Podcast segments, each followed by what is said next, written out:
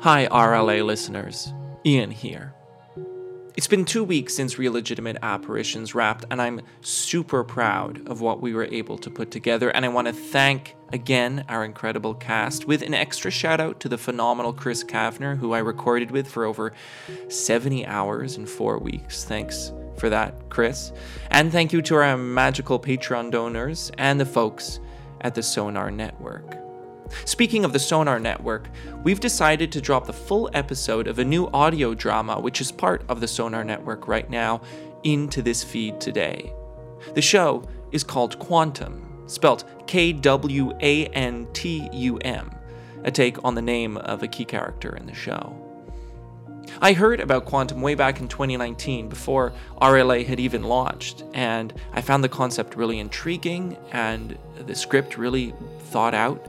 And I knew that the actors were all going to be top notch and that the sound design was going to be really, really fun. And they let me sound design their show. Before we start episode one of Kwantum, let me set the scene. It's sometime in the future. Inventrepreneur Fenton Kwan revolutionizes nuclear energy by combining it with cutting edge AI in one adorable package the Kuju. Society becomes reliant. Global energy infrastructure is decommissioned since everyone has a Kuju that supplies all the energy anyone could need. When, suddenly, Fenton Kwan disappears, taking critical secrets about the Kujus with him. You're about to hear the first full episode of Kwantum, but if you'd like to hear the other five, search Kwantum, K W A N T U M, on any podcast app or scroll through the other Sonar Network shows to find it. Enjoy the show.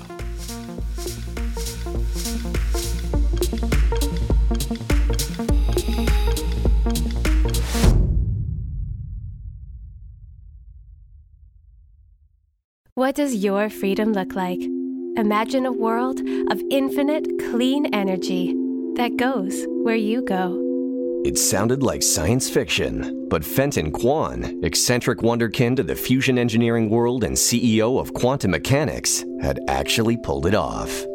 He invented a personal portable power source using the brilliance of cordless radiant energy. But how do you convince the public to walk around with balls of fusion powerful enough to level a bungalow? Listen to this early recording of Kwan explaining his revolutionary marketing strategy. Cutesy robot kids and dogs, I call it the Kuju. Your Kuju is more than a power source, it's your snuggly best friend. Here at Kwantum Mechanics, the future is kawaii. What you're hearing is an early ad for the Kuju. It's worth noting that Fenton Kwan is not Japanese in any way, nor are the lyrics of the song. Kwan just told his marketing to, quote, make it more Japanese. Because people like Japanese things stupid. That's why. It's fuzzy, it's got big eyes, and it's got the latest AI. It's adorable.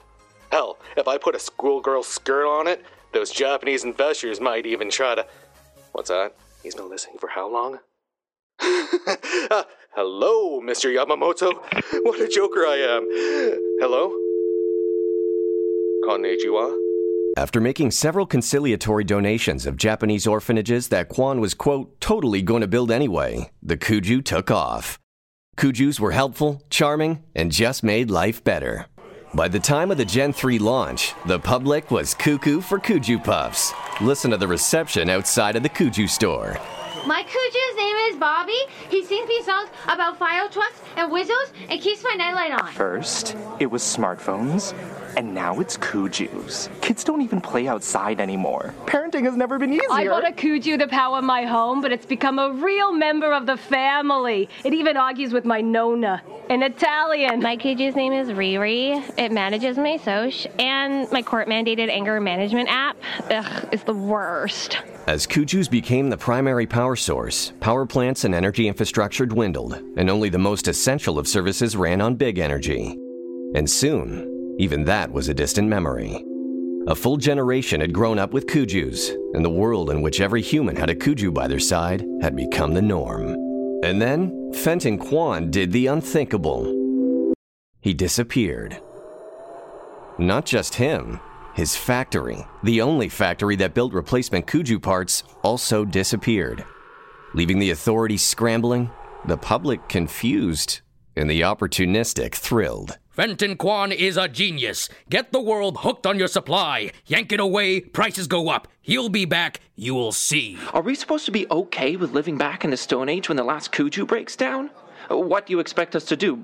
Bring back coal? We're your hookup. Authentic Kwantum mechanics parts are close enough to him. But if you ain't got the cash, your Kuju's trash. Now, now, now, the Illuminati made Fenton Kwan a figurehead for the lizard race. Now he's hiding something, something big.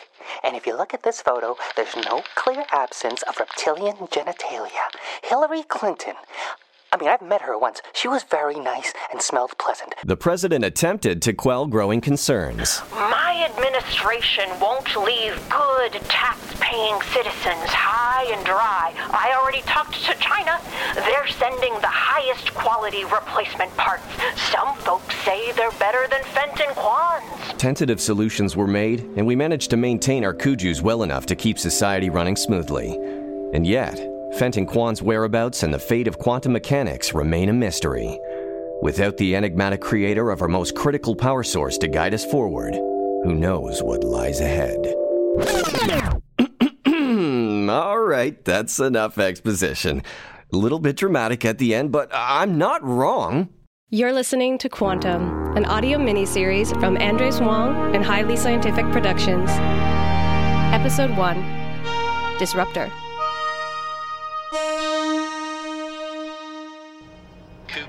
Kuju Puffs.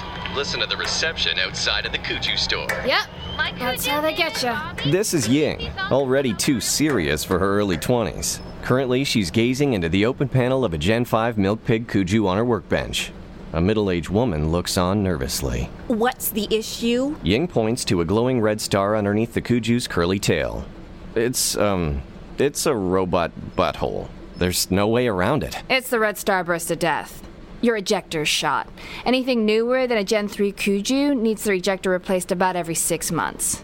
Because when it comes to exhaust, what do we say, Luna? Ying's Kuju, Luna, perks up at attention. If a Kuju can't toot, you must reboot. Or else it enters a catatonic state and becomes useless, but that is not a charming rhyme. Always so cheerful. Luna beams. She's a classic Gen 2 puppy cat who's been upgraded and modded, but not in like a trashy way. Sorry, ma'am. Looks like you'll have to find a new ejector. Another ejector? Prices have doubled lately. Isn't there anything else you can do? I can put them out with our recycling so you don't have to schlep them home. How dare you? Mr. Jazz Pants has been powering my home and breastfeeding my children since before you were born! Wait, you installed these mech boobs to feed your kids? I thought it was just a weird kink. That sounds like the beginning of a lifelong complex. You and Luna can save your judgy comments. Mecha breasts are the most humane way of feeding babies. End of story, period. Come on, Mr. Jazz Pants. Ooh, ooh, it's feeding time, magic.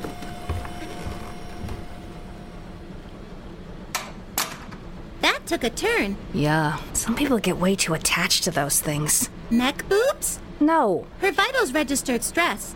Perhaps it has less to do with metal bosoms and more to do with the dwindling Kuju replacement supply that threatens our existence? Hey, we're doing all right. I keep you guys in good shape, and your ejectors always get a little extra mileage. Not everyone is a tinkerer like you. Fun fact 8,000 people a year choke on the part they're trying to replace on their Kujus. A quarter of them don't survive. Why do they put the parts in their mouths? Who knows? Three quarters of them only need minor esophageal surgery. Anyone else coming in today? I have received no messages. Typical. May as well close up then.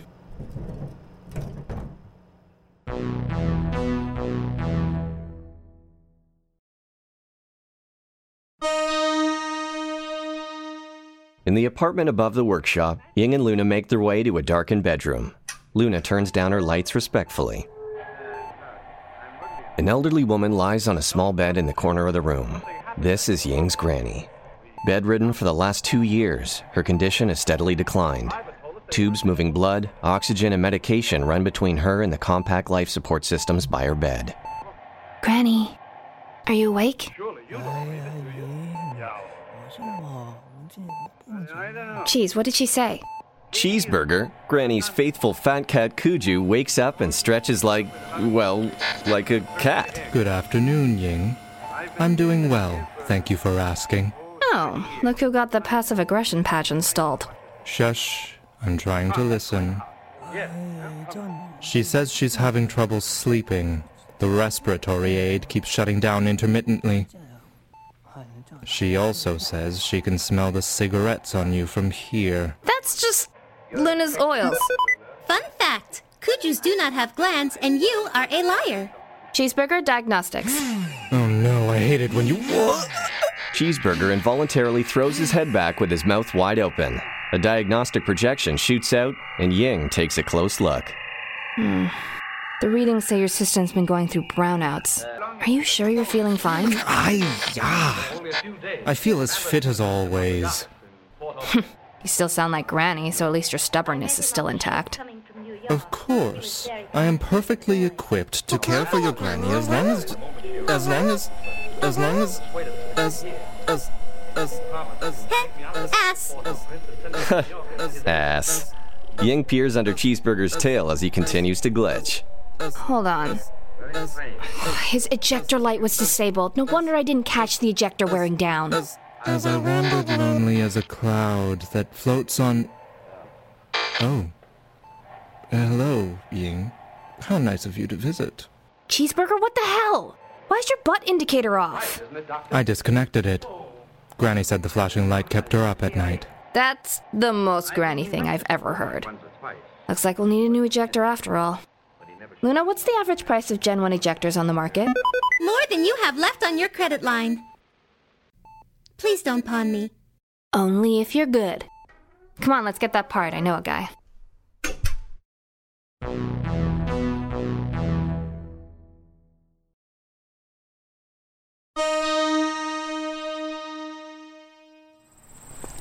A short walk later, Ying and Luna arrive at the gate of a well organized junkyard. Ying takes one last drag on her cigarette and flicks it away. Don't tell Granny. Here we are. I just hit if a anyone million would have it, it's Whoa, Ying-a-ling!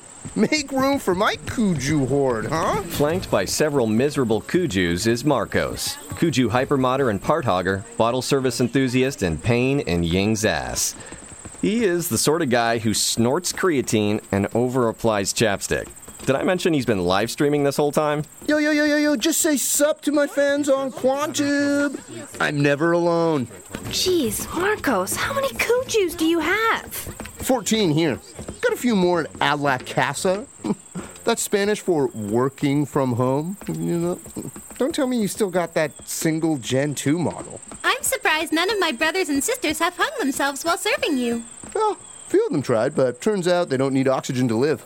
Those quitter models are used exclusively to charge my vape. It takes more than one? Uh, this isn't just any vape.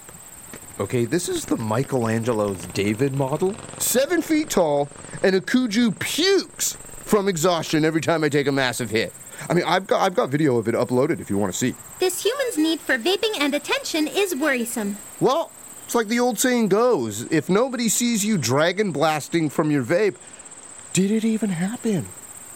Isn't that right, co-heads? Bleh. Co-heads. Like Marcos. Duh. Marcos turns his camera on Ying. Everyone say hi to Ying, my very serious and long-term girlfriend. hey. Ying grabs the camera and does what we all want to do. I know that was supposed to make me mad, but I am rock hard. Hey, if you're looking for an ejector, they're all out. I bought the last five when my mini infinity goldfish pool needed another strobe light. Ying! Oh, she'll be back. Jeannie, Rocco, Dan Dan, Skip, Chester, Dino, Gimpy, One Eyed Eddie, Flamingo, Pablo Escobar, Hoot Hoot, Randy Kurtwood Smith. Uh huh. You guys like me, right? Uh huh? Cool. Okay. Now let's go home and you can watch me blow cotton clouds on the jacuzzi. Gross. As Marcos herds his Kuju horde back toward his nasty bachelor pad, Ying and Luna step up to the counter of Vlad and Son's totally legal Kuju parts. A warm, burly woman steps forward through the haphazard piles of scrap as two equally burly men hammer away at some sheet metal behind her. Yang, how is my most skilled and beautiful customer? Flattery won't get me married to one of your boys, Vlad. Not even for finest ejector? Please, the fat one can cook and has all his fingers. Skinny one, not so strong, but has all his teeth. Wow, all his teeth. Well, all the important ones. How about I tune up your personal Kuju in exchange for that ejector? No problem, marriage is optional. But I give you special ejector replacement from Ukraine. I thought you were Russian. Can't you tell from my perfect regional dialect? I'm Romanian, but nobody here can tell the difference. You want special part or not? As is. Best price, no refund. It's fine. Ying gives a nod to Luna, who hops up on the counter and sniffs at the replacement part. Oh, hello, Luna creature. No need for suspicions of Vlad, number one part in all of world. Get off counter. Counterfeit. The inside is filled with paper clips and nougat. This is how you treat me after all these years of brand loyalty, Vlad. What? No, no, it's no problem. It's prank. My idiot sons, you know, they buy wrong parts sometimes. I sell as funny joke. We laugh. Shut up, Yuri! This part was for my granny's Kuju. It runs her life support system. And you were gonna sell me cheap chocolate and office supplies as a prank? Ah, look, I level with you. I like you. Most people so desperate for ejector, they no check for nougat. I only do this because two days ago, hippies, they come in, white people dreadlocks blazing, and take last box of authentic ejectors. Yuri, he do nothing to stop. Kunara! Oh, shut up, Yuri! They wear masks. Think I don't know them? I know that stink anywhere. Patchouli and vegan cheese. you want ejector? You talk to Esther at the local off-off grid, like the commercials. Ready to reconnect. Look for yurt with most wind chimes, and you will find Esther. If you try to sell any more fake parts, I'll tell the whole neighborhood what Yuri does with his Kuju behind the tool shed. Jare to fucko shut up, Yuri!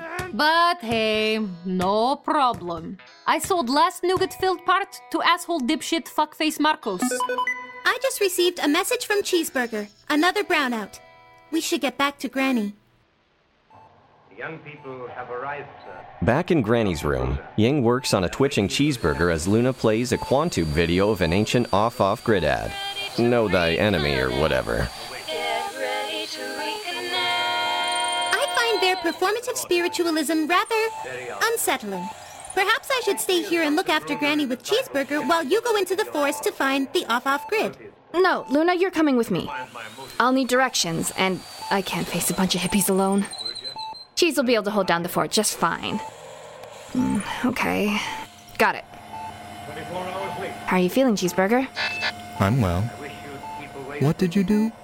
I bypassed your ejector. It's a temporary solution, but at least you won't have any more brownouts, so Granny can, you know, breathe while we're away. Yes, that is preferable. Ying places a hand on Granny's shoulder. Hang in there, Granny.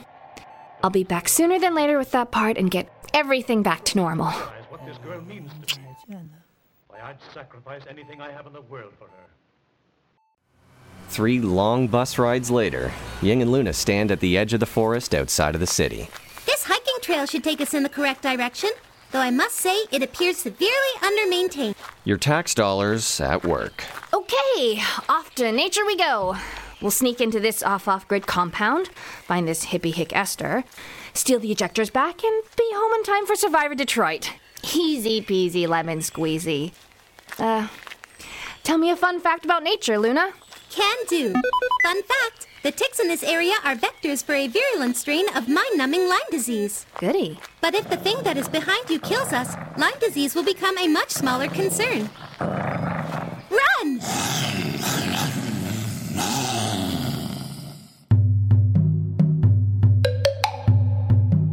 You're listening to Kwantum, an audio miniseries from Andres Wong and Highly Scientific Productions.